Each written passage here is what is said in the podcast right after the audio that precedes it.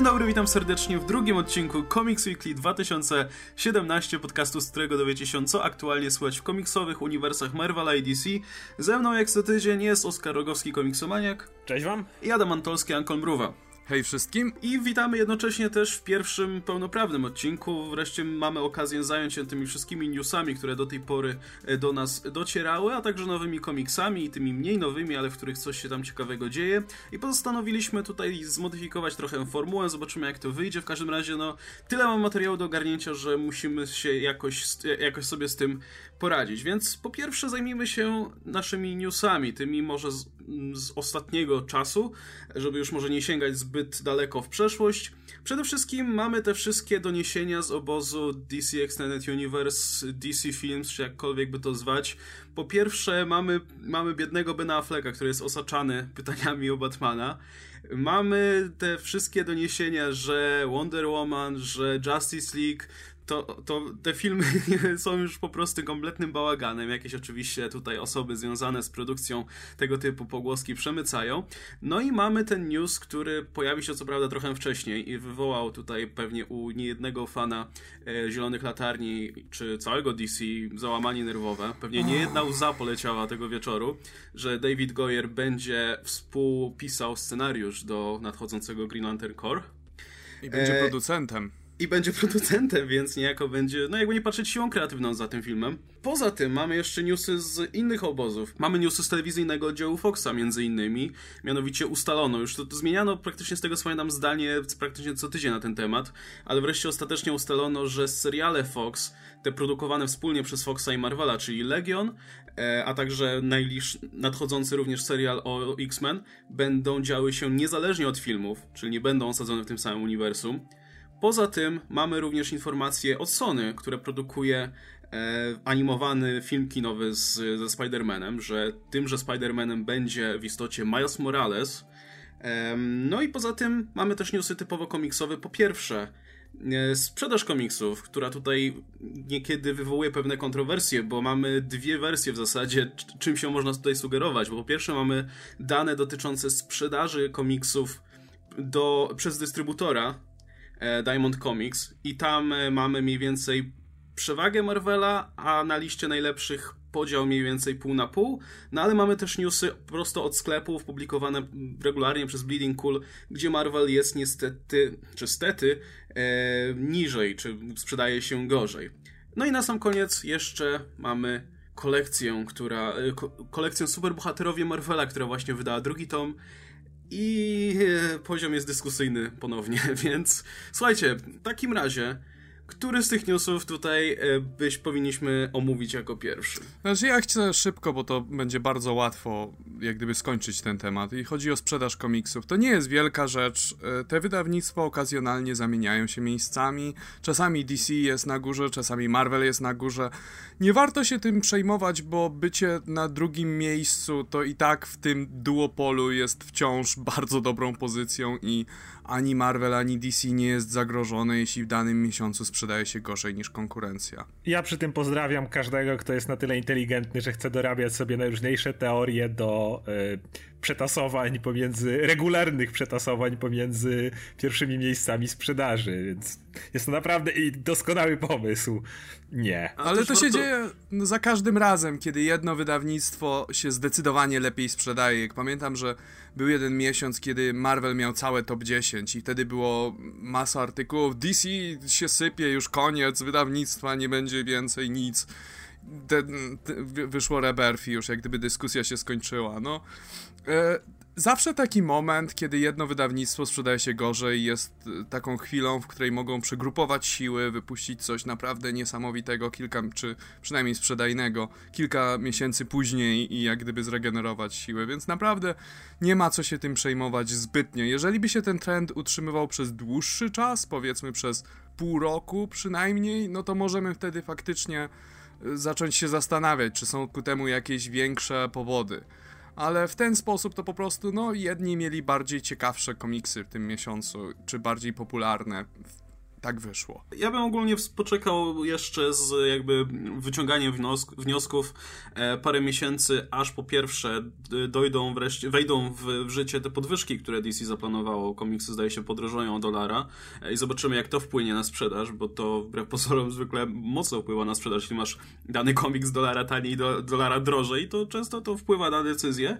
E, a poza tym no, trzeba poczekać jeszcze okrzepną powiedzmy tytuły, które teraz są w Marvelu. No a już nie mówiąc o tym, że ogólnie trudno też wyciągać jednoznacznie kondycję wydawnictwa tylko na podstawie e, danych sprzedażowych, bo to też wydawnictwa mają różne cele i różnym celom te komiksy też służą, nie? No, są komiksy, które się sprzedają słabo, ale robią coś innego, reklamują w jakiś sposób, czy tam poszerzają rynek, czy potem te postacie można przenieść do filmów albo gdzieś indziej, gdzie będą zarabiać dla wydawnictwa dalej. Także nie ma co jakby przykładać zbyt dużej uwagi do tego, a na pewno jeszcze nie teraz, kiedy, e, kiedy to się wszystko może zmienić bardzo szybko. Nie mówiąc też o tym, że oba wydawnictwa są w tej chwili częścią multimiliardowych korporacji i w momencie, gdyby albo w DC, albo w Marvelu się działo naprawdę źle, tak tragicznie, to by po prostu góra weszła i zrobiła restrukturyzację i prawdopodobnie po jakimś czasie by to się ładnie unormowało, no bo to są wciąż wszystko ikoniczne postacie i tak dalej. Więc nie widzę tutaj takich wielkich problemów. To ja teraz chciałbym dwa słowa powiedzieć oczywiście o, o drugim numerze kolekcji. E, tutaj zauważyłem bardzo ciekawy trik, mianowicie tym razem osoba tłumacząca i korektor zamienili się miejscami. I teraz osoba, która wcześniej tłumaczyła, teraz robi korektę, osoba, która wcześniej robiła korektę, teraz tłumaczy. I był to prawdopodobnie dobry ruch, ponieważ dzięki temu udało mi się uniknąć błędów w spisie treści. Więc doceniajmy małe kroki, małe kroki, ponieważ w dalszej części, no niestety dalej mamy piękne neologizmy, jak na przykład żeńska wersja słowa gość, gościnka. e, e, tudzież inne piękne kwiatki, jak chociażby pisanie chodź tutaj przez ci, chodź. E, więc poziom jest piękny i tutaj tylko dodam, że wiele osób widziałem pytało Hatchet, pisało do nich e, z zażaleniem w sprawie pierwszego tomu. Hatchet napisał, że bardzo przeprasza i dokłada wszelkich starań, e, aby dalsze tomy były w lepszym stanie. No i wyszedł drugi tom. Jest w lepszym stanie pod względem spisu treści. Okej, okay, nie kłamali. Więc, y, no z mojej strony to generalnie to, były, to były te kroki właśnie, żeby polepszyć tak, no, jakość. No, to chłopaki zamienicie spokojnie. się tym razem i będzie dobrze, okej? Okay? No, Zobaczymy jak ewidentnie, będzie wtedy. Ewidentnie widzimy, że Kuba jest lepszym tłumaczem, a, a, a druga osoba lepszym korektorem, no bo, no bo nie przepuszczono błędów w spisie treści. No byście chcieli tak wszystko od razu, no po kolei, no. Najpierw naprawimy spis no. treści, potem może, nie wiem, błędy ortograficzne czy coś, no kurde, no, no powoli, tak? Natomiast mam informacje od zaznajomionych salonów prasowych i drugi numer kolekcji sprzedał się niebotycznie gorzej. To oczywiście wynika z e, ceny, no bo pierwszy kosztował bodajże 15, drugi już 30 zł, więc naturalnie sprzeda się gorzej, ale jakąś wiarę w ludzkość mi to jednak przywraca, więc...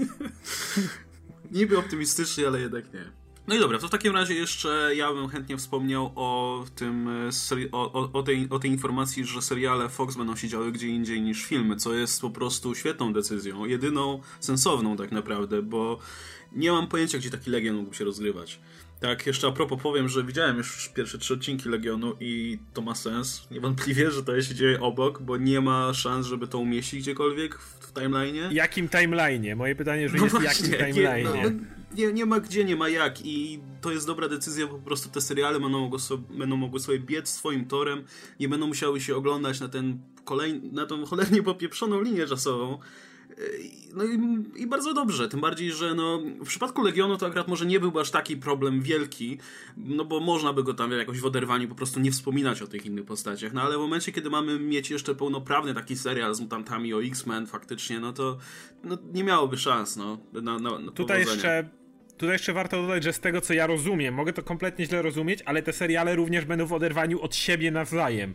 To znaczy nie będziesz Legion i ten niezatytułowany jeszcze serial również nie będą się działy w tym samym uniwersum. Czyli każdy będzie opowiadał swoją własną historię, znowu nie mam z tym problemów, aczkolwiek jeżeli już to jest taka decyzja podjęta, to jeżeli dany serial e, jakby wymaga pojawienia się pewnej postaci, na przykład w Legionie Charlesa Xaviera, który jest ojcem, ojcem Davida, chciałbym, żeby on się jednak tam pojawił. Inny aktor, ludzie spokojnie pokazano to w Supergirl, może być inny Superman, o dziwo nawet bardziej lubiany niż, nieważne. W każdym razie może, może spokojnie pojawić się inny aktor grający tą samą rolę tym bardziej, że już w uniwersum Foxa dwóch aktorów grało Charlesa Xaviera, naprawdę trzeci nie zrobi wielkiej różnicy. Więc po prostu nie mam nic przeciwko, a wręcz popieram to. Popieram to, to rozdzielenie, ale chciałbym, żeby za tym szła prawdziwa swoboda kreatywna. Jeżeli na jeden odcinek David ma się spotkać z swoim ojcem, to niech się z nim spotka. Poza tym też popieram. No takie robienie takich wielkich uniwersów i łączenie ich z serialami bywa potwornie, potwornym problemem, jak zresztą pamiętamy z Agents of S.H.I.E.L.D., kiedy były takie kwestie typu o, rozmawiałem z Tonym Starkiem, jest tuż za rogiem. E, i nigdy go nie widzimy, coś takiego. E, no ale warunkiem musi być ta pełna kreatywność, tak żeby nie było tych głupich ograniczeń, które z kolei mieli po stronie DC i CW, że o, nie możemy pokazać Supermana z jakiegoś powodu. Pojawił się temat Fox, no to w takim razie musimy sobie powiedzieć o trailerze Logana. I ja zacznę w sumie, bo ja tutaj hejciłem najbardziej chyba ten poprzedni trailer, Um, I powiem szczerze, ten mi się podobał dużo bardziej. Przede wszystkim dlatego, że nie był, nie wyglądał właśnie jak taka wliczona przy linijce, wymierzona przy linijce próba e, zrobienia cool trailera na bazie fajnej muzyki.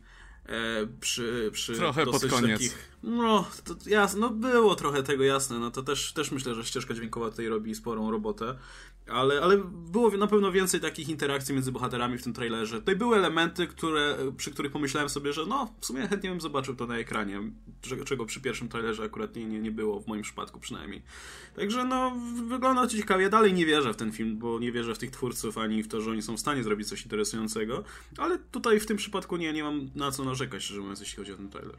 X23 wygląda słodko, naprawdę podoba mi się wybór tej, tej małej aktorki. E, bo wygląda niebezpiecznie jakimś cudem, nie wiem czemu. Znaczy wygląda trochę jak taki mały Bucky Barnes, nie wiem, czy zauważyliście podobieństwo, ale ja tak. Może, może to to. Wydaje mi się, że jeśli właśnie ta relacja między Loganem a, a X-23 wypali, to, to ten film będzie, będzie e, zdatny do oglądania. Jeśli nie, no to cała reszta podejrzewam też się położy. Wreszcie dali ujęcia do tego trailera, które przywodzą na myśl Old Man Logan, i to był, to był dla mnie lekki szok, dlatego że myślałem, że ten film już nic nie będzie mieć wspólnego z Old Man Logan, tak jak było zapowiadane e, wcześniej. E, szczerze mówiąc, e, jest lepszy ten trailer niż poprzedni, ale tylko na bazie tego, że poprzedni kompletnie nic nie pokazywał i był kompletnie bezwartościowy. Ten trochę pokazał. Pokazał X23, pokazał trochę interakcji między starym Xavierem i Loganem i szczerze, nie, nie wierzę. Jakość tych wszystkich. E, jakość tych wszystkich efektów, czy jakkolwiek je nazwiesz, walk, są troszeczkę wyglądają jak na budżecie telewizyjnym i całość tak troszeczkę śmierdzi jakimś serialem dla mnie.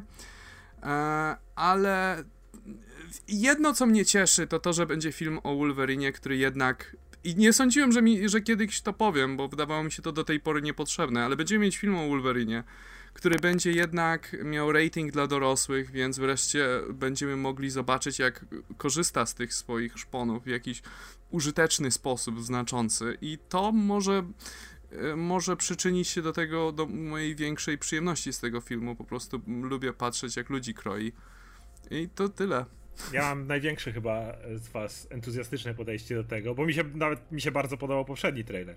E, natomiast inna sprawa jest taka, że cały czas, oglądając ten film, będę się bał, że mi za chwilę na ekran skoczy wielki robot. Ja będę miał fo fobię wielkich robotów po tym filmie, a kocham Pacific Rim i przez nich boję się wielkich robotów.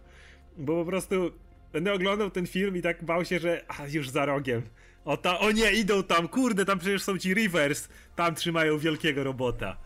Bo nie licząc tych, tych, tych moich obaw, które mam w głowie po tym, jak po prostu Film, który bym zapamiętał jako mech, no okej, okay, nudny, ale e, stał się hej, pamiętacie Wolverine Genezę? Nie, to wam przypomnimy, bo tym był właśnie Wolverine, tak, te ostatnie 20 minut.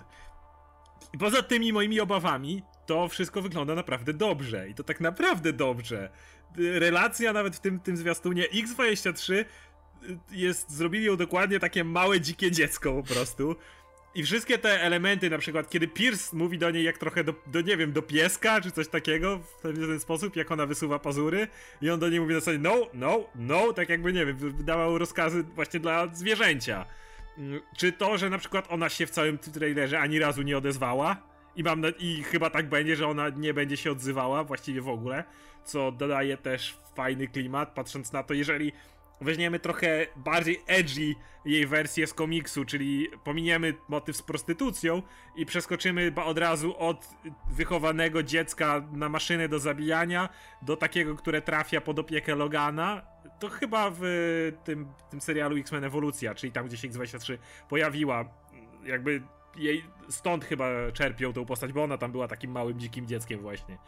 I to mi się wszystko naprawdę podoba. Naprawdę widzę tutaj bardzo możliwość bardzo takiego bardziej uziemionego, że tak powiem, mniej rozdmuchanego, a jednak to był właśnie wielki problem pomiędzy innymi e, Genezy czy, czy filmu The Wolverine, że starali się mu wepchnąć jakieś nie wiadomo jakie historie, kiedy historie Wolverina, jeżeli ktoś czytał jego solowe historie starsze, zwykle były przyziemne. To była jakaś zadupiasta wioska, gdzie jakiś, nie wiem, gangster trząsł wszystkimi i potem Wolverine przychodził i przecinał się przez nich pazurami. Historia z Wolverine to był zakrwawiony Wolverine lezie po pustyni i mniej więcej tak to zawsze wyglądało. tak, a nie jakieś roboty, wiesz, jakieś te wybuchy i tak dalej. To, to, to, to tego było zdecydowanie mniej i tu liczę to, że będzie. Jeśli chodzi o odniesienie do Old Man Logan, to wydaje mi się, że oni starają się trzymać tego, te, tego motywu drogi jakby.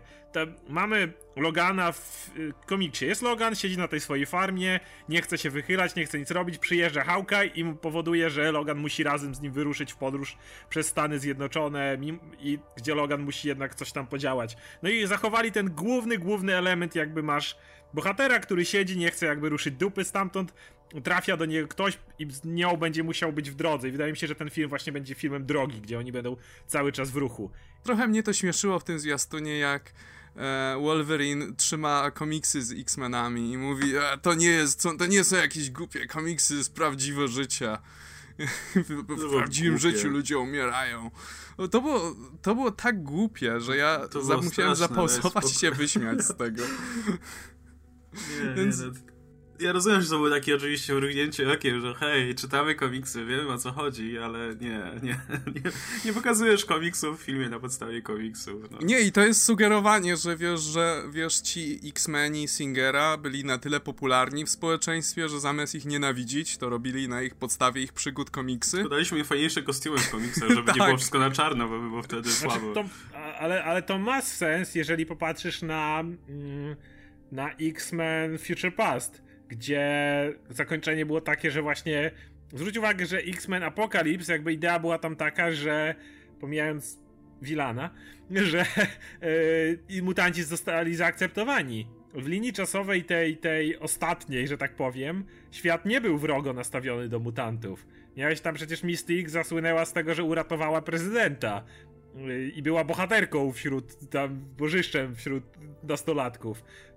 I przecież jest scena wycięta scena, w której oni idą do supermarketu i jakby to, że Nightcrawler wygląda jak wygląda, nikomu nie przeszkadza, wręcz, wręcz ludzie się z nim bawią. Okej, okay, to ja mam pytanie do ciebie. W jakich latach powstały te komiksy i dlaczego jeszcze nie wynaleźli, wiesz, cyfrowego kolorowania? No w 80 Okej, okay, to dlaczego mama X23 czyta, kurde, stare komiksy? Nie, nie wiem, nie wiem.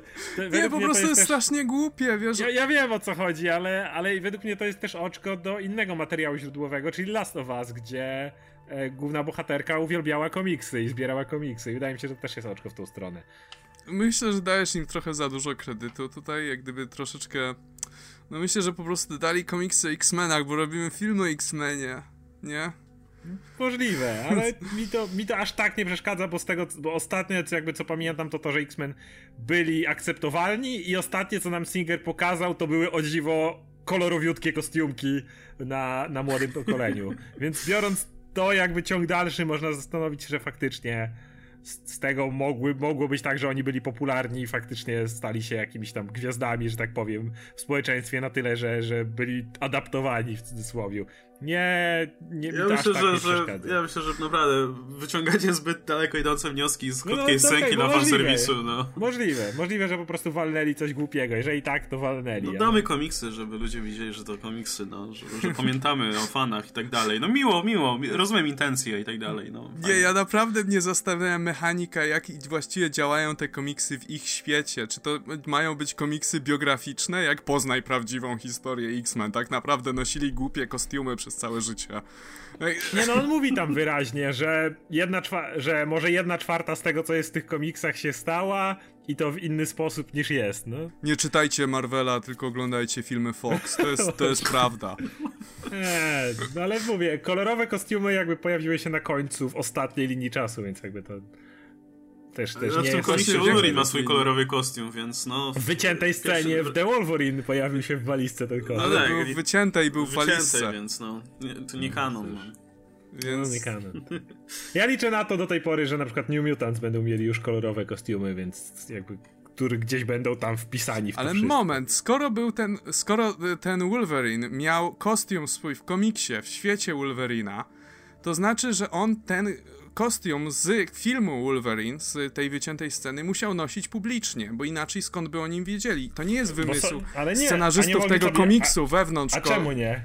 No bo Czemu nie mogli sobie wymyśleć, żeby dać, żeby, żeby w świecie, w którym był Wolverine, żeby wymyśleć mu kostium, żeby był Jaka jest szansa? Dlatego, że to jest jego autentyczny komik, y, kostium z filmu The Wolverine, więc jaka jest szansa, że jakiś scenarzysta komiksowy wymyśli komiks dla autentycznej postaci, który jest, y, przepraszam, wymyśli kostium dla autentycznej postaci, który jest przy okazji jej autentycznym, tajnym kostiumem. Szczerze? Don't care. Trochę za głęboko nad tym myślimy.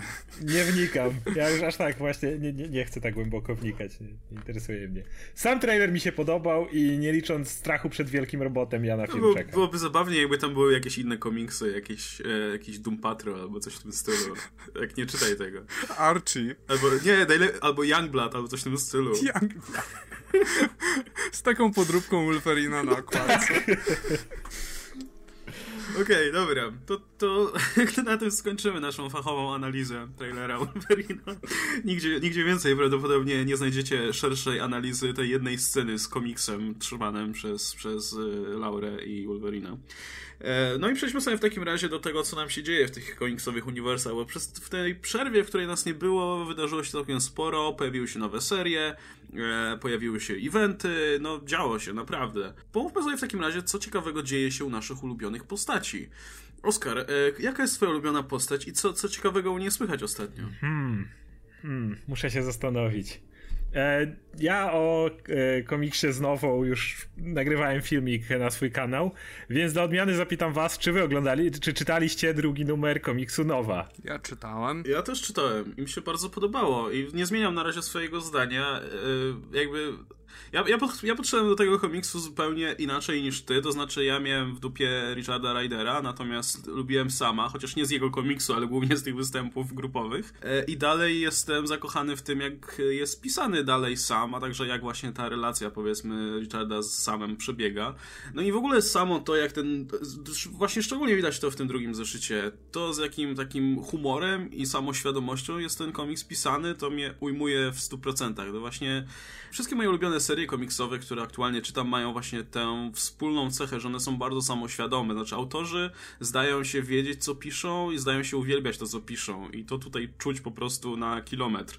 W związku z tym, no, czytanie tego to jest czysta przyjemność. Wymiany zdań, te wszystkie dialogi, żarty, jakie są tutaj rzucane, a jednocześnie świadomość, że autorzy faktycznie wiedzą, o kim piszą i o czym, rzucają te wszystkie nawiązania do poprzednich wydarzeń i to wszystko wypada zupełnie naturalnie, nie, w nie, zupełnie niewymuszony sposób.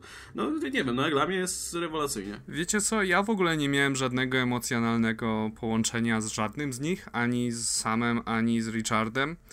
E, I przypomniało mi się, właściwie jak czytałem ten komiks, to cały czas myślałem o Oscarze i nie tylko dlatego, że on swego czasu cały czas truł o Richardzie Ryderze, tak że się nie, nie, dało, nie, nie dało się go zamknąć, ale y, dlatego, że jak gdyby przypomniało mi to, jak on mi opowiadał o tym, jak czytał y, Titans Rebirth, o tym, jak wiesz, że pomimo tego, że nie znał tych postaci albo znał je słabo, to był w stanie łatwo wyłapać, jakie są relacje pomiędzy nimi, kto jest w jakim momencie swojego życia i tak dalej. Ja miałem bardzo podobne odczucia z czytania tego komiksu. Ja tak naprawdę nie znam za dobrze obu postaci, ale jak gdyby z komiksu mogłem wiele wyciągnąć z kontekstu i uważam, że jest bardzo przystępnie napisany.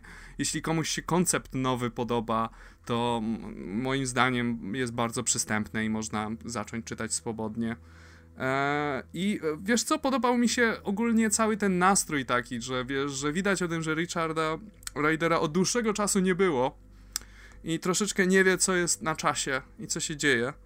E, I nie wiem, ten komiks mam taki bardzo ciepły feel, który bardzo lubię w komiksach. I, ile, oczywiście wiadomo, że później będzie tragedia i nieszczęście, ale ilekroć jest ta przerwa na to, żeby mieć chwilę ciepła, to ja zawsze, zawsze te chwile bardzo doceniam, więc ten komiks mi się bardzo podobał i polecam wszystkim. Ja jestem komiksem zachwycony ze wszystkich powodów, które wymieniliście.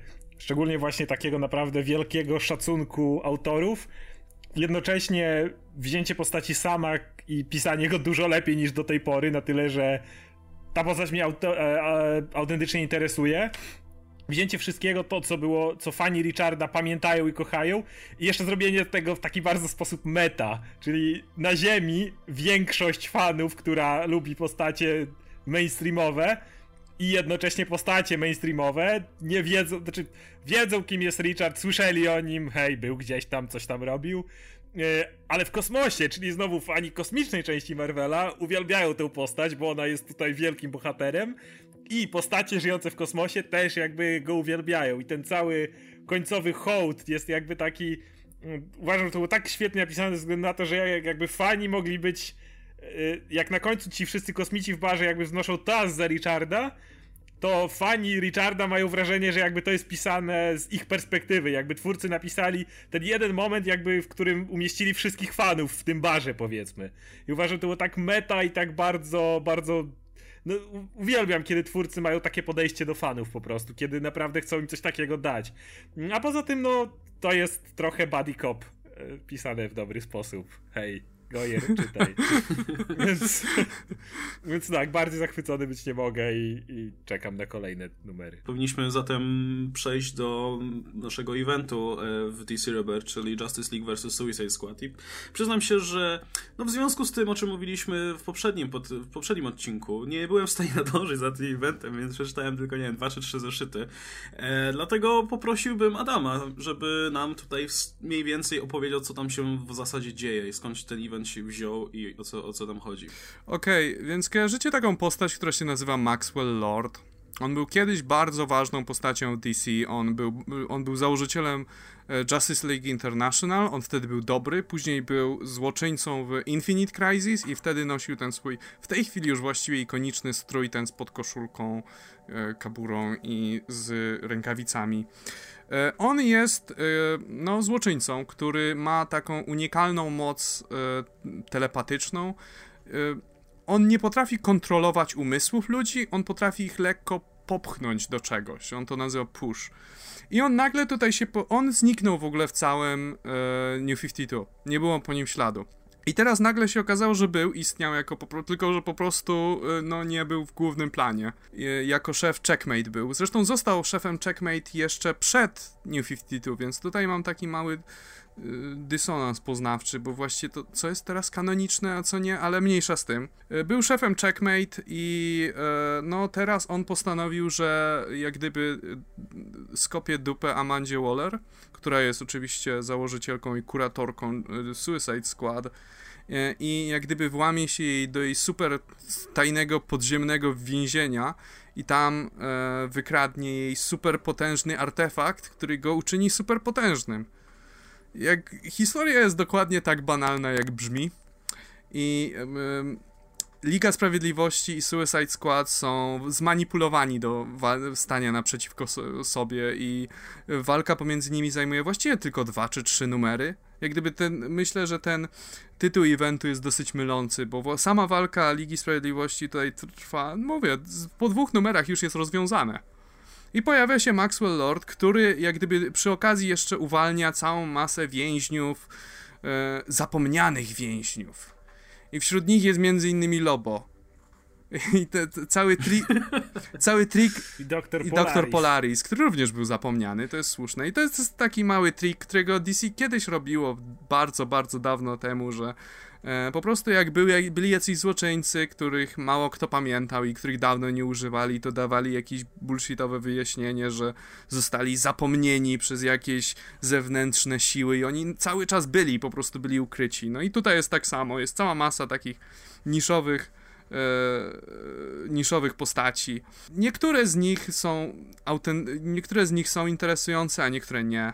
Skład, li, skład Suicide Squad jest ewidentnie pod film zrobiony i mnie to strasznie zirytowało, dlatego że w zeszłym tygodniu mówiłem o tym, jak nie podoba mi się, kiedy Marvel jest uzależniony od filmowego odpowiednika i w, oczywiście, także mi po prostu napluć w twarz.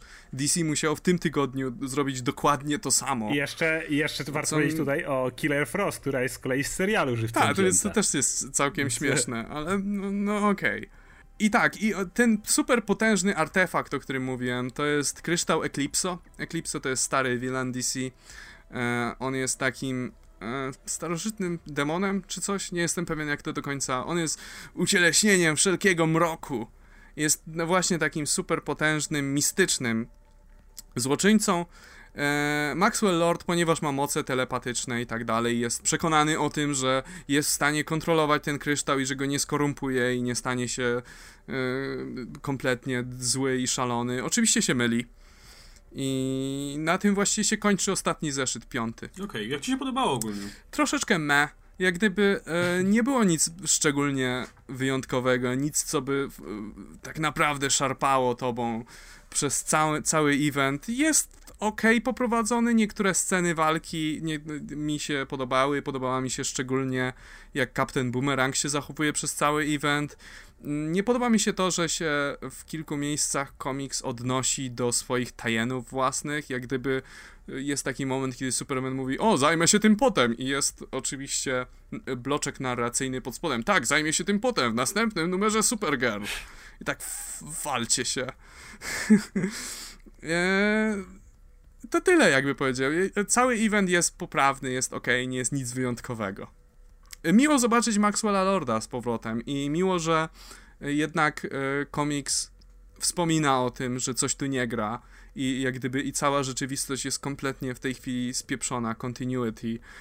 I sam Maxwell Lord jest tego faktem, dlatego że no w tej chwili Infinite Crisis, czyli ten event, w którym się stał złoczyńcą, nie jest kanoniczny, więc co jest? Na początku mówili o tym, że tu z tego wymiaru skradziono czas. Tak, tak, tak, więc, więc, więc odnoszą się do tego i to, to jest, to, to, to doceniam przynajmniej. E, natomiast widzę że, widzę, że DC robi tutaj taką bardzo sprytną zagrywkę, jak w momencie zaczynają ignorować tego poprzedniego Supermana. Nie wiem, czy zauważyliście.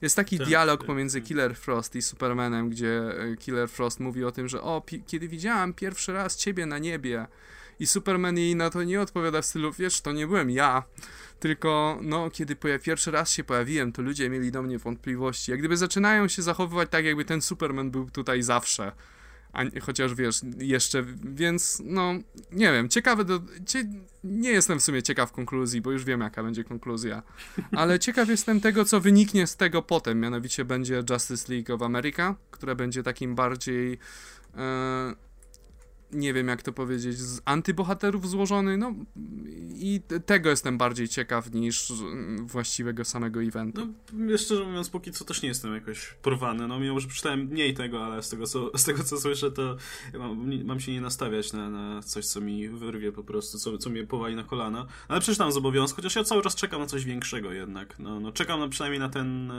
na ten crossover Flasha i Batmana, tak, który ma coś tam nam wyjaśnić. Tak w tym Watchmen, Watchmen chociażby. Kiedy trzymają tą spinkę komedianta, te, te, no tak, te tak, tostery. Tak. No to czekamy, na, czekamy. No, łaskawie łaskawie no, mogliby wreszcie coś, coś tak. nowego w, tej, w tym temacie podać. Ale powiem szczerze, mi się na przykład bardziej podoba to, co się teraz w Supermanie dzieje, ten ich e, powiedzmy storyline. Jeszcze jedną rzecz chcę powiedzieć Aha. o ten, że jedna akcja mi się podobała w tym samym komiksie, tak naprawdę, i to jest moment, kiedy e, Lobo chce już zamordować Amandę, Waller leci na nią i po prostu jest ta niepowstrzymana siła i Batman e, mu wysadza łeb w powietrze bo wie, że się zregeneruje, więc wiesz, może tak. mu wysadzić łeb i tym samym, wiesz, usunąć kontrolę Mac.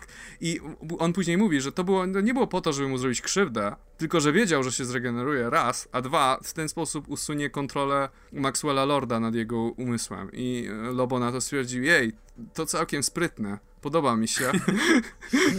jego stylu. więc, to, było, to było całkiem fajne i to był taki moment, kiedy o tak, to są te postacie, które z nami kocham. No, to, jest więc Lobo. to jest Lobo.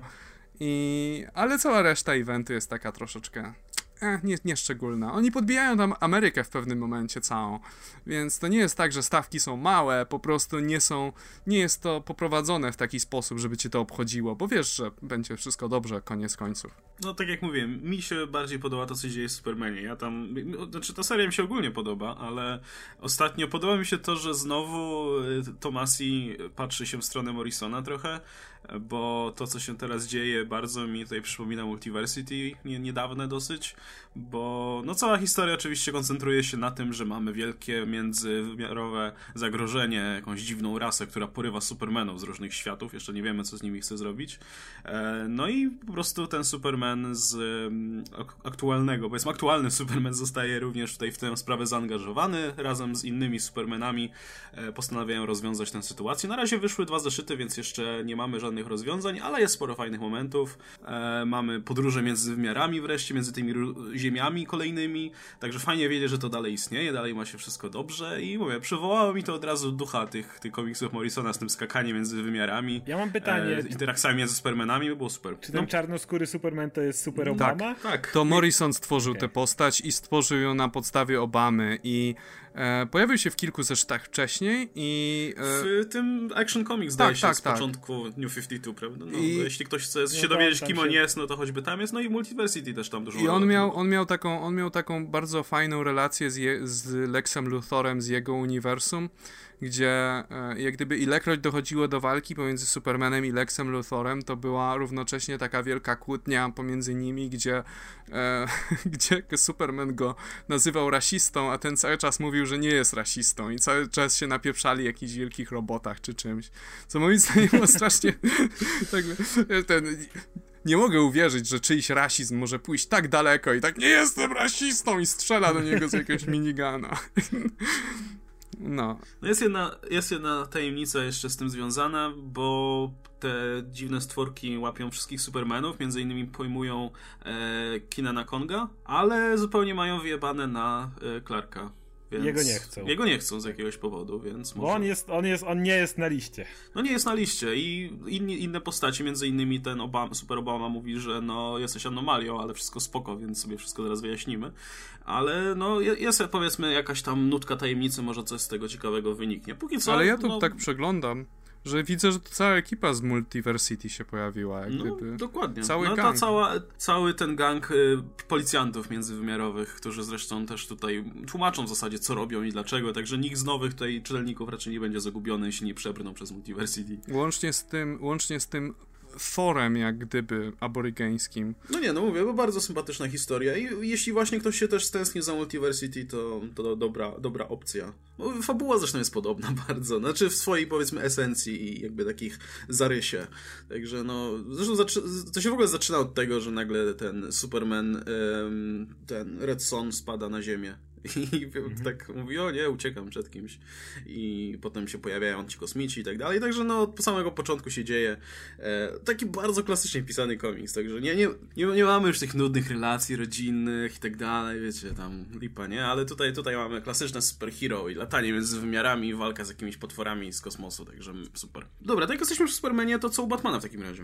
No Batman miał ostatnio tą dwuzeszytową historię, która się nazywa Rooftops, zdaje się, i to było... E, my za chwilę chwilkę będziemy o tym mówić przy okazji e, Spidermana. To była taka jedna wielka nostalgiczna podróż w jego relację z Catwoman. I dostajemy jak gdyby całe, całą relację Catwoman skondensowaną, skondensowaną do dwóch zeszytów. W momencie, kiedy się ścigają, potem uprawiają seks na dachu, potem znowu, tak. potem potem, po, potem wiesz, potem wyznają sobie czule miłość, a później jakby nagle jakiś budynek zaczyna wybuchać i Catwoman ucieka, później Batman dostaje w pierdol i Catwoman go ratuje i równocześnie jest to jest tak fajnie meta napisane, bo jest, e, jest taka fajna scena, gdzie e, Batman i Catwoman przypominają sobie, jak się pierwszy raz poznali. I dostajemy jak gdyby dwie różne wersje originu ich pierwszego spotkania, dwie różne wersje ich pierwszego spotkania.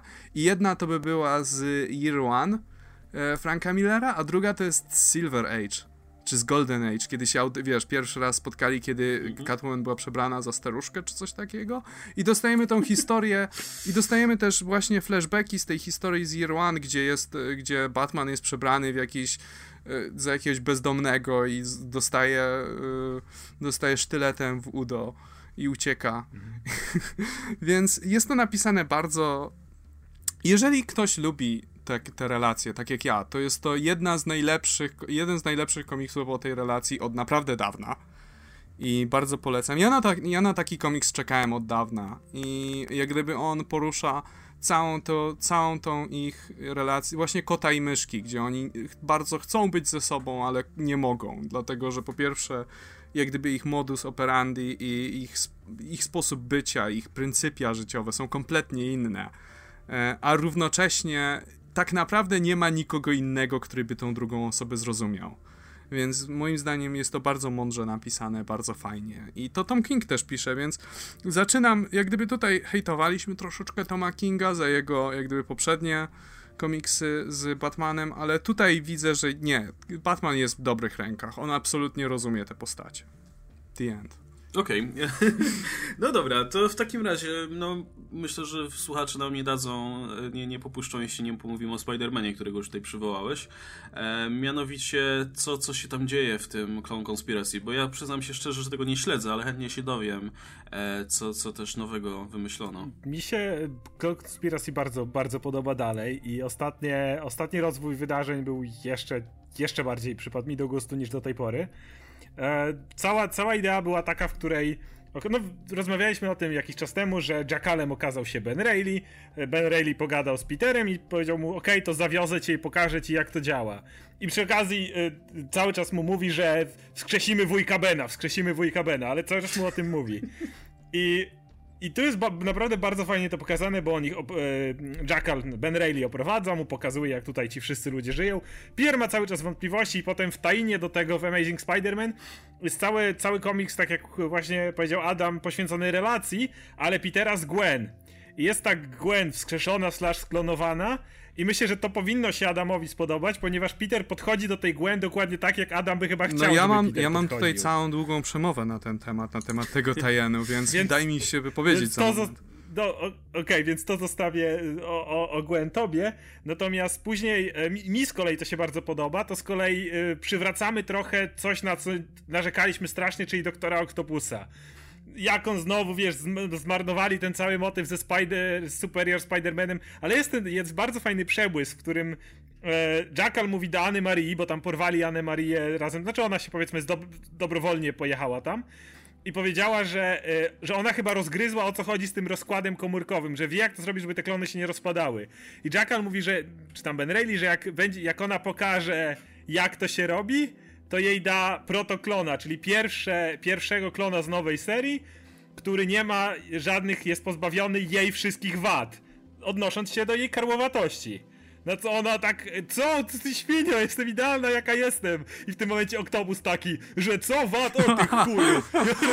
I w tym momencie Oktopus 180 stopni, obrażony Anę Marię, więc jest jakby, to jest fajne, powrót do tego, do tego, że Oktopus może być super wilan, ale on autentycznie kocha Anę Marię. I jak ktoś jej po powiedział, że co? Że chcesz ją zmieniać, chcecie ją zepsuć, chcecie ją zniszczyć? O, wy chuje. I 180 stopni i robić coś takiego po prostu totalnie anty-jackalowego. Co też powoduje, że trochę Benowi Raylemu puszczają nerwy. Jest pokazane, że to, ten motyw, że był krojony wielokrotnie i tak dalej, jednak odbił się na jego psychice i nie jest do końca stabilny. Przy czym najfajniejsza rzecz z tego wszystkiego jest jeszcze to, kiedy Peter znajduje kłam we wszystkim, co zrobił Ben Reilly. Bo Ben Reilly cały czas gada o tym, że wskrzesi wujka Bena, wskrzesi wujka Bena i tak dalej, bo wskrzesił wszystkich pozostałych. A Peter mu mówi, ale ty nie wskrzesisz wujka Bena. On mówi, nie, jeszcze tego nie zrobiłem. Nie, nigdy tego nie zrobisz. Bo masz dokładnie moje wspomnienia i, i wiesz, o tyle co z pozostałymi bohaterami y, były, było różnie. A tutaj masz dokładnie co do jednego idealnie te same wspomnienia i wiesz dokładnie jaki jest wujek Ben.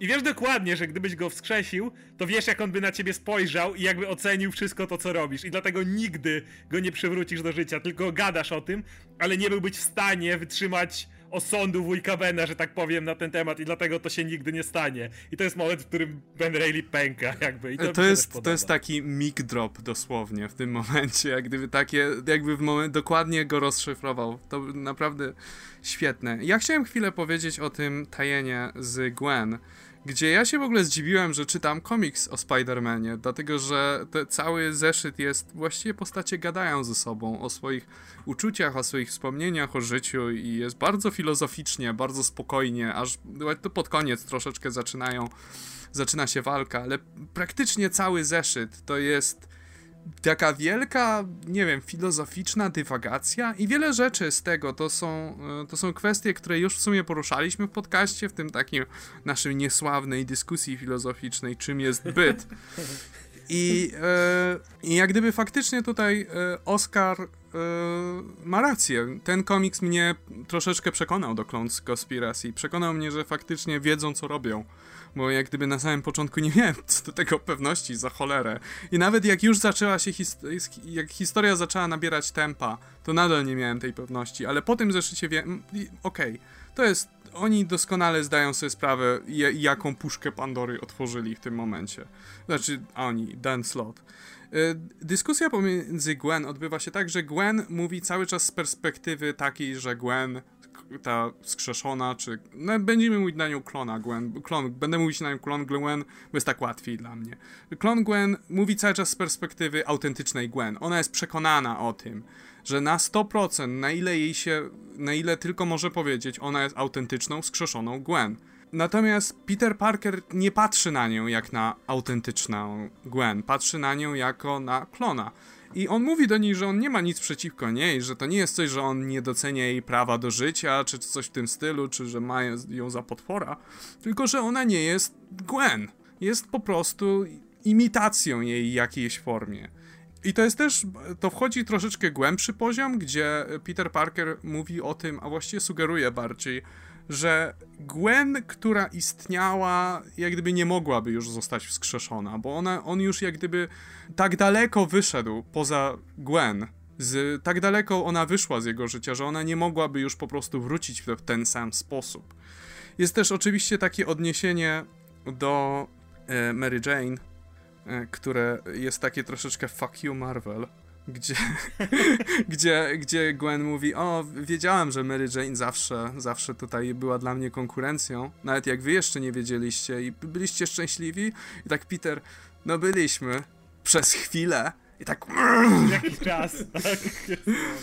I tak, aha, no nie, ale generalnie mówiąc, to był bardzo satysfakcjonujący zeszyt. I podobało mi się też to, że obie strony troszeczkę zaczęły się lepiej rozumieć pod koniec, gdzie na przykład z jednej strony Peter Parker, y, wiesz, nie, nie, nadal ma do niej pewną rezerwę, do tej Gwen, ale wiesz, traktuje ją dużo bliżej takiego, takiej Gwen, której po prostu dawno nie widział. I sama Gwen zaczyna mieć wątpliwości co do tego, czy ona faktycznie jest Gwen czy nie jest po prostu, wiesz, jakąś imitacją, czy czym, kimś kompletnie nowym. No i na sam koniec zeszytu dostajemy y, akcję, gdzie wszyscy zło martwi złoczyńcy Spidermana go atakują i tak dalej, więc mamy stare, dobre superhero. Ale ta pierwsza połowa zeszytu Ale... moim zdaniem jest najsilniejsza i najlepsza. Jest bardzo fajnie napisana ta relacja między nimi, bo ona jest taka ciepła. Peter właśnie, widzisz tą siłę Petera, który, okej, okay, ty nie jesteś Gwen, jesteś sklonowana i ja cię nie mogę traktować tak jak Gwen, ale mogę cię traktować dalej jako ludzką istotę, z którą ma, możemy mieć, się dogadać, możemy być przyjaciółmi, nie ma problemu, mamy pewne wspomnienia. I Peter jeszcze, który ma doświadczenie z tym, wspomina o Kane'ie na przykład. -hmm. Czy potem oczywiście odnoszą się do Bena i mówi, słuchaj, no poznałaś Kane'a, to, to, i to jest mój przyjaciel dobry, nie? On nawet go jak brata prawie traktuje. On też ma moje wspomnienia, I, i to, prawda? Tak, tak. I, i, I, jakby nie mam najmniejszego problemu. Ja znam dużo, mam, ona, mówi w ten sposób, jak, jak czasami się mówiło o mniejszościach, że hej, mam wielu przyjaciół, którzy są klonami. To, to jest takie, to ten sposób pisane, ale, ale jakby to, to jest w ten sposób fajne i on i on nie ma jakby, jeżeli Gwen życie tej jest zagrożone tam w pewnym, znaczy w pewnym momencie, to on się oczywiście, że tym przejmuje, oczywiście, że jest to dla niego tak jak tak jak ratuje innych ludzi jakby, a nawet, nawet bardziej, bo to jest ktoś cały czas mówi w jakiś sposób bliski, ale nie tak bliski, jak, jak mógłby być. Jest mu nawet tam moment, kiedy Gwen, kiedy oni rozmawiają, nagle go całuje. Tak. I reakcja Petera jest takie, what the fuck, nie? dlaczego to zrobiłaś? I to też jest fajne, bo no sorry, to, to nie. Więc według mnie to zostało bardzo dobrze poprowadzone i cały event kupuje. No tak jak mówię, pierwsze numery były bardzo niepokojące, ale w trakcie to zostało fajnie zrobione i nawet ten motyw z Prowlerem, który pojawia się i mówi, mimo tego, że wszyscy ci złoczyńcy atakują Spidermana, Prowler dobrze wie, że jak obróci się przeciwko ben, Benowi, Jackalowi, to umrze, bo nie dostanie swoich pigułek ale mówi tam, ej, byłeś cały czas w mojej drużynie?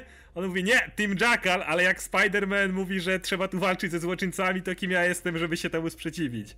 Też fajnie wpleciony, ciepły taki element. Także uważam, że z eventu nie, nie wiadomo co się dzieje, wyszła naprawdę solidna kolejna historia. I to Dan Slot po raz kolejny udowadnia, że na, nawet jak na początku coś ci się nie zgadza, to potrafi z tego wybrnąć tak jak zrobił z Superiorem i w tej chwili, jeżeli kolejna historia będzie znowu jakaś, jakieś dziwne what the fuck na początku, to od razu dam mu kredyt. Jeśli mogę powiedzieć, Superior też się zaczynał dosyć słabo, jakby kiedy w pierwszym no momencie, tak, kiedy tak. jeszcze w pierwszym zeszycie Superiora pojawił się ten duch Petera Parkera, to było strasznie. Oczywiście. Eee. Ja nienawidziłem Superiora, ja w ogóle bojko. Tak, ale z czasem się zrobił dobry. E, wiesz, co mi się jeszcze podobało tutaj? Bo to nie jest powiedziane wprost, i, ale od, odnoszę takie wrażenie, że część, że powód, dla którego Peter Parker, tutaj troszeczkę nadinterpretuje być może, ale wydaje mi się, że powód, dla którego Peter Parker jak gdyby odrzuca tę Gwen, jest dlatego, że nawet jeżeli Gwen została wskrzeszona, to nie zmienia faktu, że ona umarła i on jak gdyby musiał żyć z tym przez dłuższy czas, że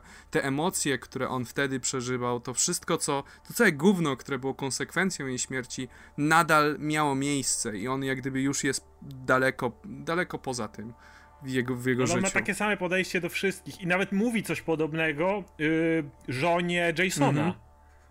Kiedy ona, yy, ona mówi, że słyszałam o twojej przysiędze, kiedy powiedziałeś po mojej śmierci, powiedziałeś, że na twojej warcie jakby nikt więcej nie umrze.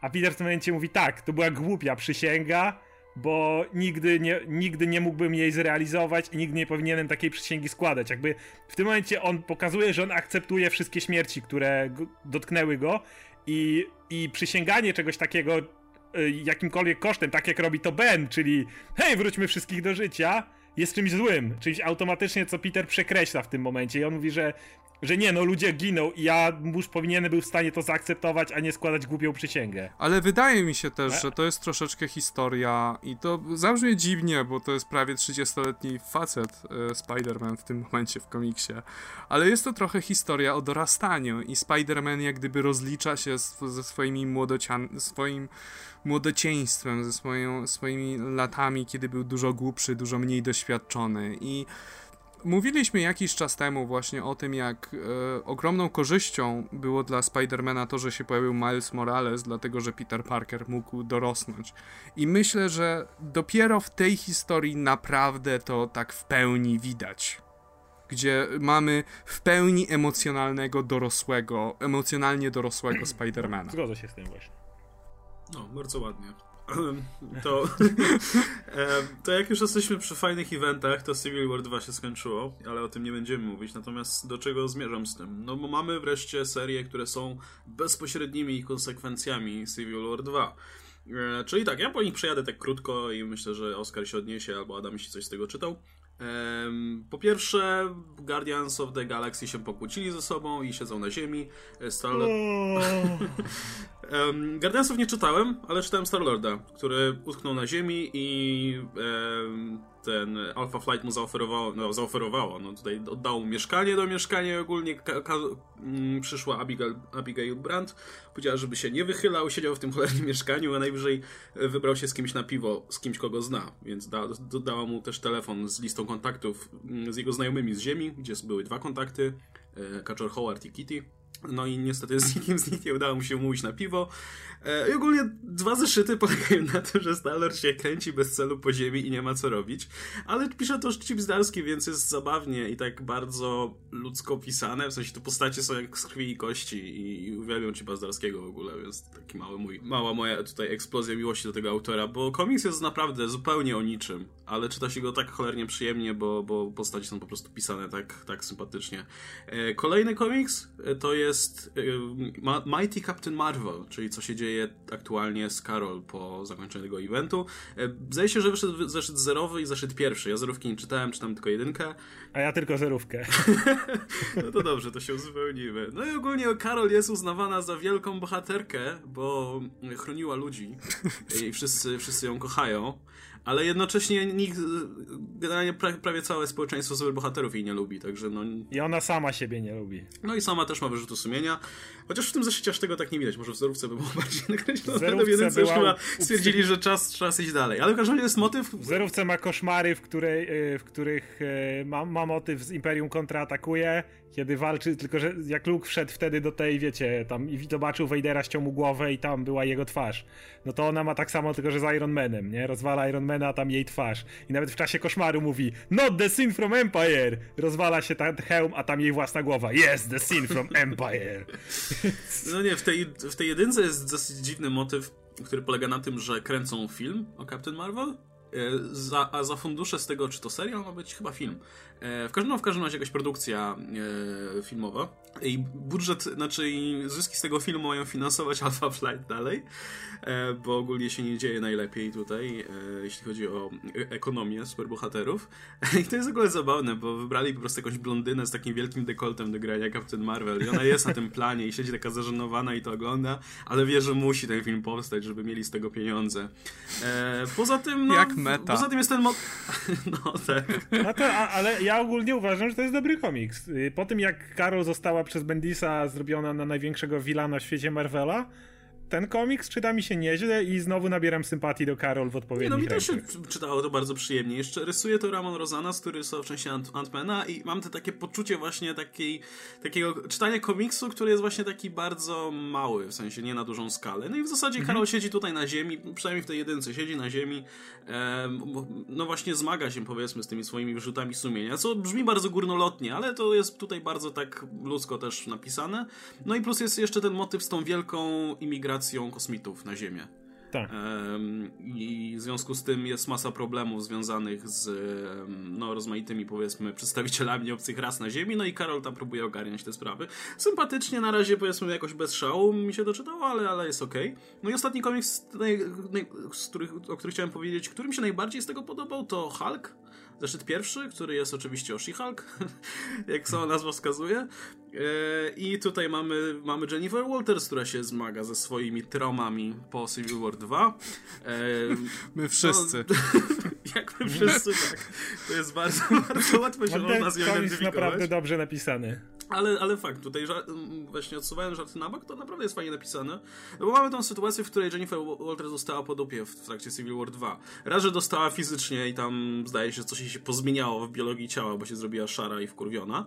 E, a dwa, że dostała też psychicznie, no bo zmarł, zmarł, zmarli jej koledzy i przyjaciele i ogólnie się nie, niezbyt fajne rzeczy. No zmarł, zmarł Bruce Banner, no umówmy się, zginął w zasadzie. Jak ona była w śpiączce, to, to jej przyjaciel Hawkeye zarąbał jej kuzyna no Bruce'a Bannera. No, no i mamy tutaj, twoją psychikę. I mamy Jennifer Waters, która stara się być maksymalnie spokojna, jest w swojej normalnej, ludzkiej formie, która próbuje sobie iść do pracy i normalnie pracować w takiej wielkiej korporacji e, prawniczej. No i też praktycznie cały komiks polega na tym, że ona po prostu idzie do pracy i tam dostaje jedną z tych wielu dziwacznych spraw, które postać taka jak Jennifer Waters dostaje.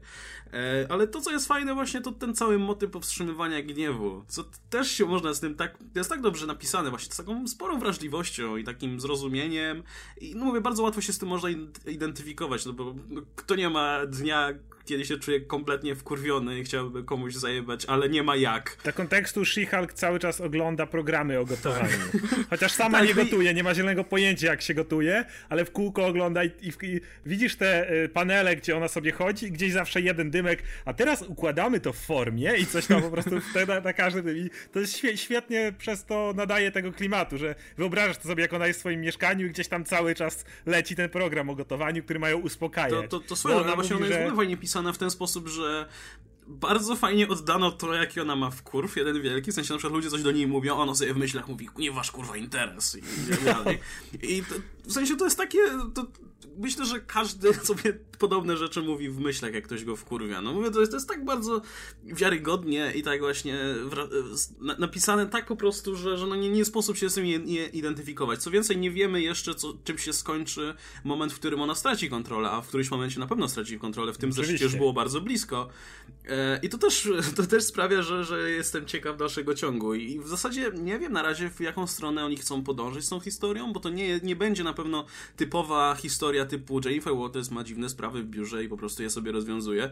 No bo no bo mamy ten motyw hamowania agresji, który z jakiegoś powodu się tutaj znalazł. No i dwa, i mamy jeszcze tą tajemnicę, bo jedna z, ich, z jej klientek jest dziwna i siedzi w swoim mieszkaniu cały czas, ale jednocześnie trzy, ma tam jakiegoś, nie wiem, mrocznego boga z kosmosu czy coś.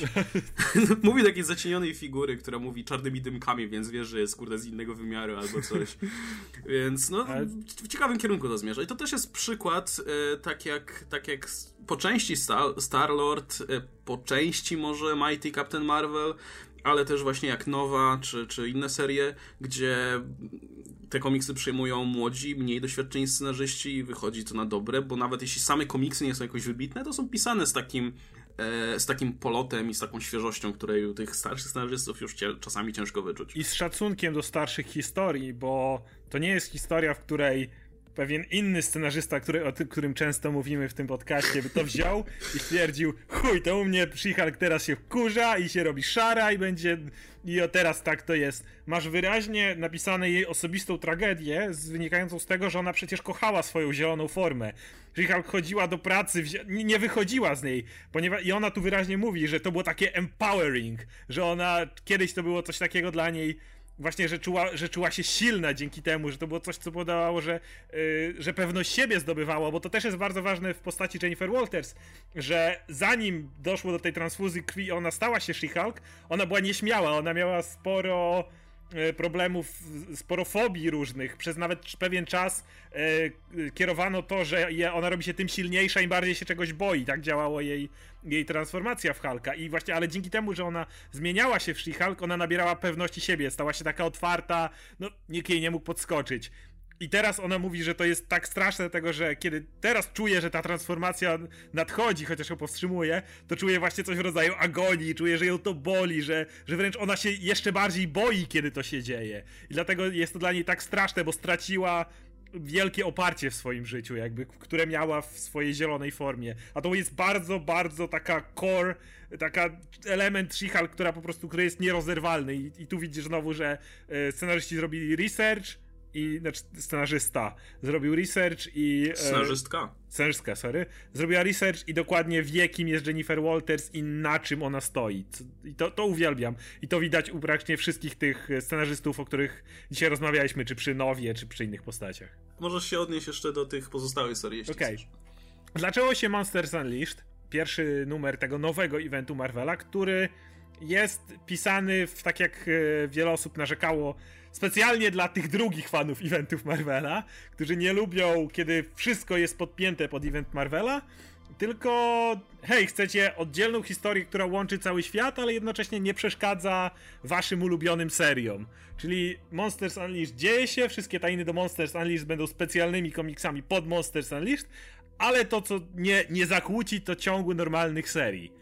Kurczę, genialne, e... genialne. Szkoda, że dopiero teraz na to wpadli. Tak i nie mam z tym jeden problem, ponieważ Marvel dzięki temu, że miał zawsze te swoje, jakby to powiedzieć, te eventy łączące, miał y, w miarę łatwą, z mojego punktu widzenia już, chronologię do, do zrozumienia. To znaczy miałeś zawsze, gdy czytałeś daną serię, to wiedziałeś, że ona się dzieje przed lub po tym evencie.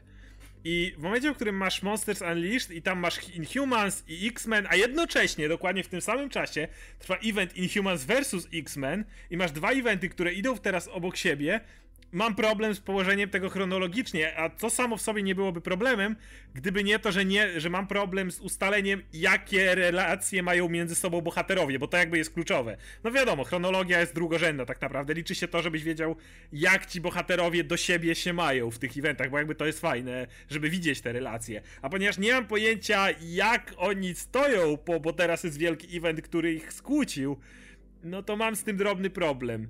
Sam event na razie zaczyna się od wielkiego pierdolnięcia. Na ziemię spada cała masa potworów. Od razu, tak się zaczyna event. Avengers sobie dobrze. Je, wielki potwór w mieście i nagle patrzą w niebo i na całym świecie spadają wszędzie wielkie potwory, po prostu kaiju wszędzie i każda drużyna jest to zamieszana. Pierwszy numer to jest taka ekspozycja. Zobaczmy jak każda drużyna, każdy bohater radzi sobie z wielkimi potworami, jedni lepiej, drudzy gorzej ale wszystko to skupia się na jednym chłopcu, który siedzi w swoim pokoju i rysuje potwory. I, prze, i przez początek komiksu masz wrażenie, że on rysuje potwory, które jakoś ożywają, ale na końcu dostajesz mindfucka, ponieważ on wybiega z domu, y, wbiegnie do lasu i tam spotyka grupę potworów, na których czele stoi Fing Fang Fom. I Fing Fang Fom mówi coś takiego do niego, y, nie wiem czemu nas tu ściągnąłeś, ale popełniłeś wielki błąd. Czyli jakby on rysując ich sprowadza ich tutaj, no na razie tyle dostaliśmy. Yy, jakość eventu ciężko powiedzieć. Pierwszy numer spadły potwory, bohaterowie się napierdalają. Taki badass zaczarowany ołówek po prostu, narysujesz no, coś. Coś takiego. Ale, Ale trzeba, dodać, trzeba dodać, że ten komiks jest tak kurewsko piękny. Po prostu Steve McNiven to rysuje i to jest tak piękna robota. Wiesz, że ten nie dałoby rady, żeby cały event tak wyglądał bo by się z tym nie wyrobił, ale dlatego, dlatego jednego zeszytu, znaczy dla tych rysunków warto potem zeszyt sięgnąć chociażby. Okej, okay, to ostatnia rzecz jeszcze.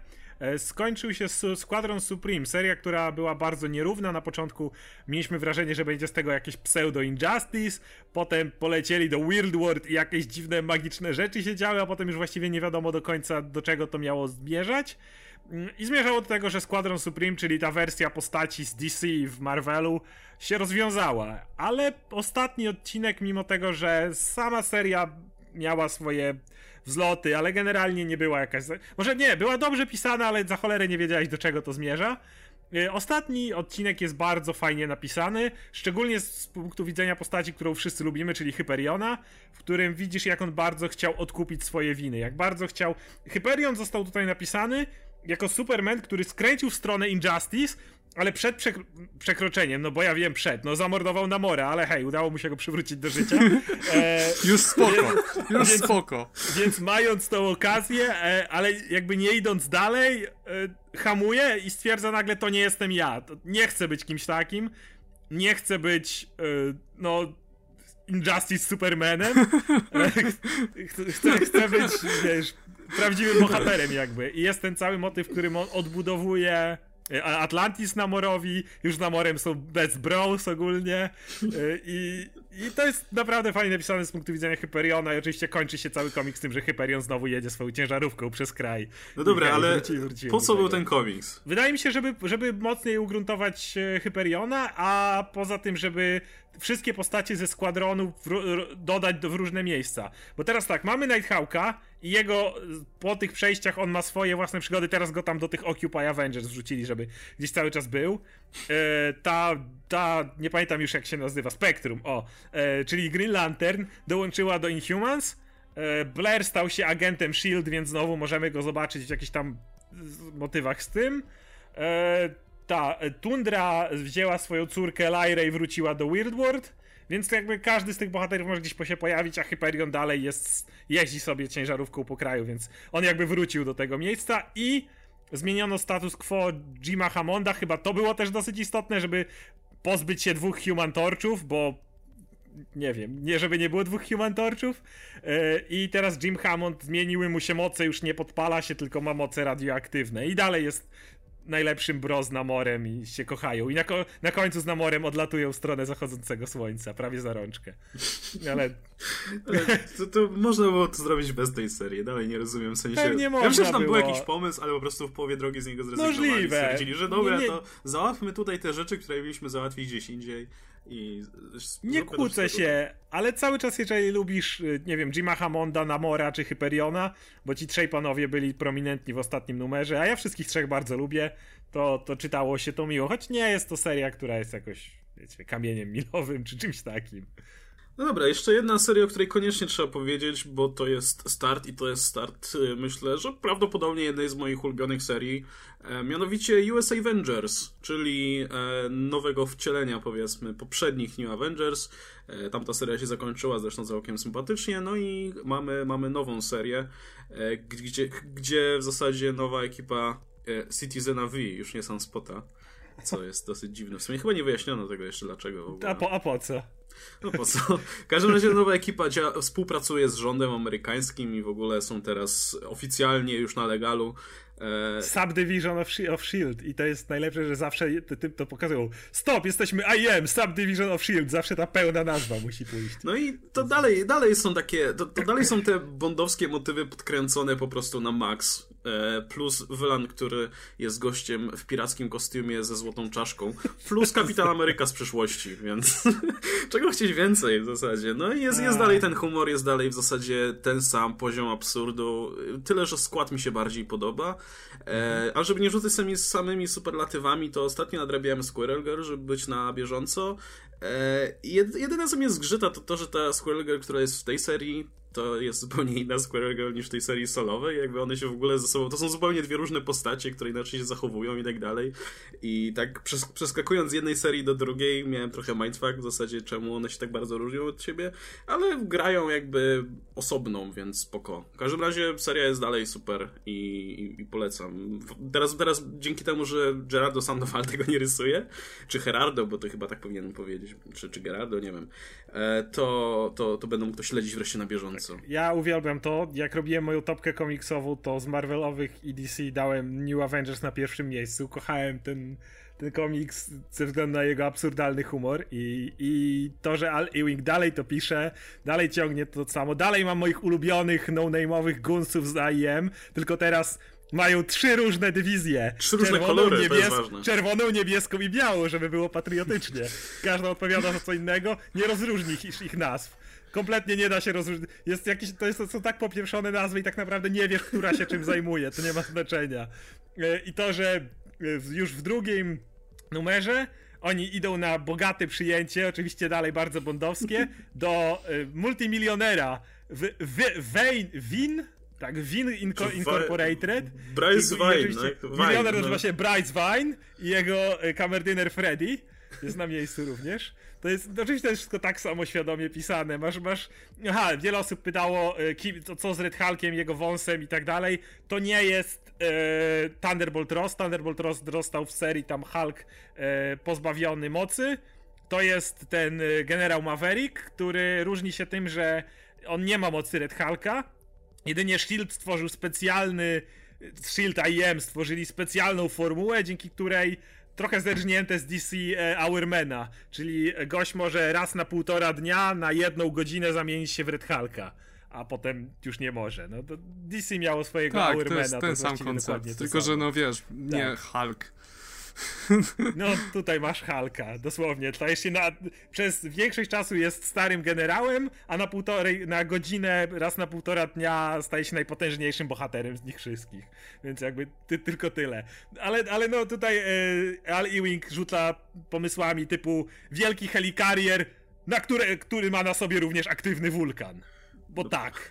Tudzież, nie no wiem. to jest wielka zła baza, no musi mieć wulkan na szczycie. Tudzież, tudzież i, ale to zapomniałeś powiedzieć, że ich główny złoczyńca ma wielką złotą czaszkę, chodzi w szlafroku, chce tylko pieniędzy, on generalnie to jest gość, który jest uosobieniem materializmu. On chce tylko pieniędzy, ale nikt nie wie po co. On chce.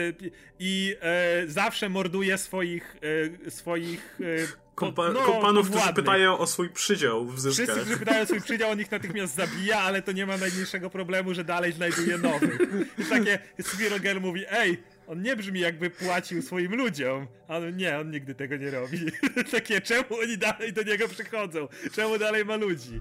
Więc no, to jest taki szczyt absurdu dalej. I oczywiście Sunspot jest dalej Jamesem Bondem. Ja kocham tę serię, kocham ten humor i oby to szło dalej w ten sposób.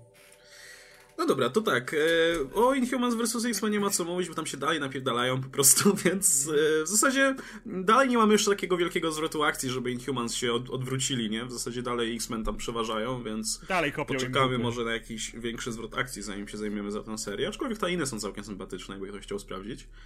E, I zdaje się, że wrócimy na chwilę jeszcze do DC, do tematu Supergirl. Supergirl dostała nową origin w postaci komiksu alternatywnego, troszeczkę podobnego do Superman American Alien, który opowiada taki bardziej e, bardziej oddzielony od głównego uniwersum, his- bardziej oddzielony od głównego uniwersum historię właśnie o tej postaci i e, no jest to o tyle ciekawe moim zdaniem, że jest to bardzo mało mi się kojarzyło z DC, jest to przez cały ten komiks miałem wrażenie, że czytam tak naprawdę jedną z tych serii Marvela, gdzie wszystko jest opowiedziane z perspektywy nastolatki i te wszystkie superbohaterskie rzeczy są bardzo, bardzo daleko z tyłu. Jest super obyczajowy, większość to jest, wiesz, e, Supergirl jest 16-latką, która ma normalne 16-letnie problemy, na przykład ma pryszcza i e, no tylko, że no jest Supergirl, więc jak ona wyciska sobie tego pryszcza, to zalewa całą łazienkę na przykład. Więc jest bardzo przyjemny zeszyt. To znaczy, no, Okej, zachęciłeś. to znaczy, no wyobraźcie sobie taki e, teen dramę. Nie, nie, nie, nie, dzięki. Nie, nie, ja nie będę opisywać już więcej tego typu rzeczy. Ale jak e, taką teen dramę, tylko że główna bohaterka do końca jeszcze nie wie, kim jest i posiada te wielkie, niesamowite moce, z których do końca sobie nie zdaje sprawy, a e, jej tata myśli, że to dorastanie i hormony. E, nie wiem, ja bym wam polecił, bo myślę, że to by była historia Supergirl, która wam by się spodobała. No, zachęciłeś, zachęciłeś. Jeszcze muszę zobaczyć, kto to pisze w sumie. E, już ci sprawdzam, kto to pisze, bo mam przed sobą zeszyt. Mariko Tamaki, nie mam pojęcia kto to. To jest autorka, którą powinniśmy zapamiętać w takim razie, bo to jest właśnie em, scenarzystka, która napisała Hulk. Tą serię, o której mówiliśmy A dzisiaj. proszę. Właśnie wiedziałem, że coś mi świta, no i... Ale, ale ten świta świat właśnie. mały. No, no właśnie. Także no, zachęciłeś w tym momencie. E, Ja tym bardziej się zachęciłem do tej Hulk, tak by the way. Nie, z, Więc- zobacz, Hulk jest niezła. Natomiast y, ja muszę powiedzieć, że nie jestem fanem tego typu komiksów, tego typu inicjatyw w Marvelu. Y, Spidey, Gamora, Legendary Star-Lord i coś tam jeszcze generalnie nie wyszły dobrze, ale może dlatego, że nie wiem, scenarzyści, nie, tam nie, nie byli źli scenarzyści. Nie wiem, nie, nie, nie podpasowało mi to, ale, Nie ale no, Sam Humphries jest zajebisty przecież. Co takiego? Sam Humphries jest zajebisty. A którą pisał sam Humphries? Star-Lorda. No, no to wiele wyjaśnia. E, więc- A, Green ale- Lanterns. No, to, to wiele O, wyjaśnia. zabijcie mnie. Więc, więc no to nie były świetne serie, te, które pokazywały alternatywną genezę postaci, powiedzmy, bo tak to można A nazwać. czytałeś Superman? Ale czytałeś hej, tego Supermana. American e, Alien, Maxa Właśnie, Landisa? no, to, to się sprawdziło. To było nie? bardzo dobre, bardzo było cenione. Mi, e, ja miałem takie wątpliwości, bo w kilku momentach Max Landis trochę, i tutaj też to trochę widzę, takie zaczątki tego. W e, American e, Alien, Alien e, Max Landis troszeczkę wpadał w e, fanboya za bardzo, tryb, że o patrzcie jaki Superman jest zajebisty, jest tak dużo lepszy niż Batman i, i no to było troszeczkę tak, jak to się mówi, cringy. Natomiast y, natomiast koniec końców, jako całość, komiks był bardzo dobry. Ale powiem szczerze, że my się prawdopodobnie teraz błaźnimy, bo jeśli mamy scenarzystkę, która dostaje robotę jednocześnie w DC i Marvelu i dostaje serie solowe do pisania i są chwalone, to podejrzewam, że to nie jest jakiś nowy, tylko prawdopodobnie jakaś uznana autorka, która pewnie, wiesz, zdobywała nagrody, tylko my jej nie znamy, bo czytamy tylko trykociarzy, nie? E, W każdym razie popieram bardzo takie inicjatywy i wprowadzanie tego typu właśnie autorów i dawanie im serii, no, które wiadomo, że nie będą miały jakichś tam szczytów sprzedaży i tak dalej, w których mogą sobie pokombinować Shit, i dude. napisać coś ciekawego. Ona, ona była No. scenarzystką do Tomb Raidera, najnowszego rebootu. What? Kom- gry. do gry, ale to nie, nikt nie chwalił tej fabuły, szczerze mówiąc. Well, ale nie, nie jest nikim. Więc może nie ma się czym Nie jest chwalić. nikim. Jak wytnij to Raider całe. Jak... Naprawdę spoko. Eee, Wszystko, gdzie mówimy, że To nie nieważne, jest nikim, to- to, to, to wycinasz. dodajmy bardzo uznaną we wszystkich przypadkach. Będzie tak. e, Ten komik został napisany przez bardzo uznaną autorkę. Takie cięcie i dalej. W końcu się ludzie zorientują, że za każdym razem jest ten same. Bardzo uznaną. Bardzo uznaną. tak. Ale jakby nie patrzeć, no wyszło z kopyta. jeśli, jeśli, wiesz, na przestrzeni jednego odcinka na, nagle wszyscy prawdopodobnie zapamiętały nazwisko, no, No to... chyba to, tak. Okej, okay, dobra, to w takim razie na tym możemy, myślę, zakończyć. E, pamiętajcie, żeby zaglądać na nasz profil na Facebooku, na nasze profile na Facebooku i na nasze kanały. E, a my się w takim razie żegnamy. Był ze mną jak co tydzień Adam Antolski, Ankon Bruwa. Hej wszystkim. I Oskar Rogowski, Komiksomania. Cześć wam. Dzięki wielkie, trzymajcie się, cześć.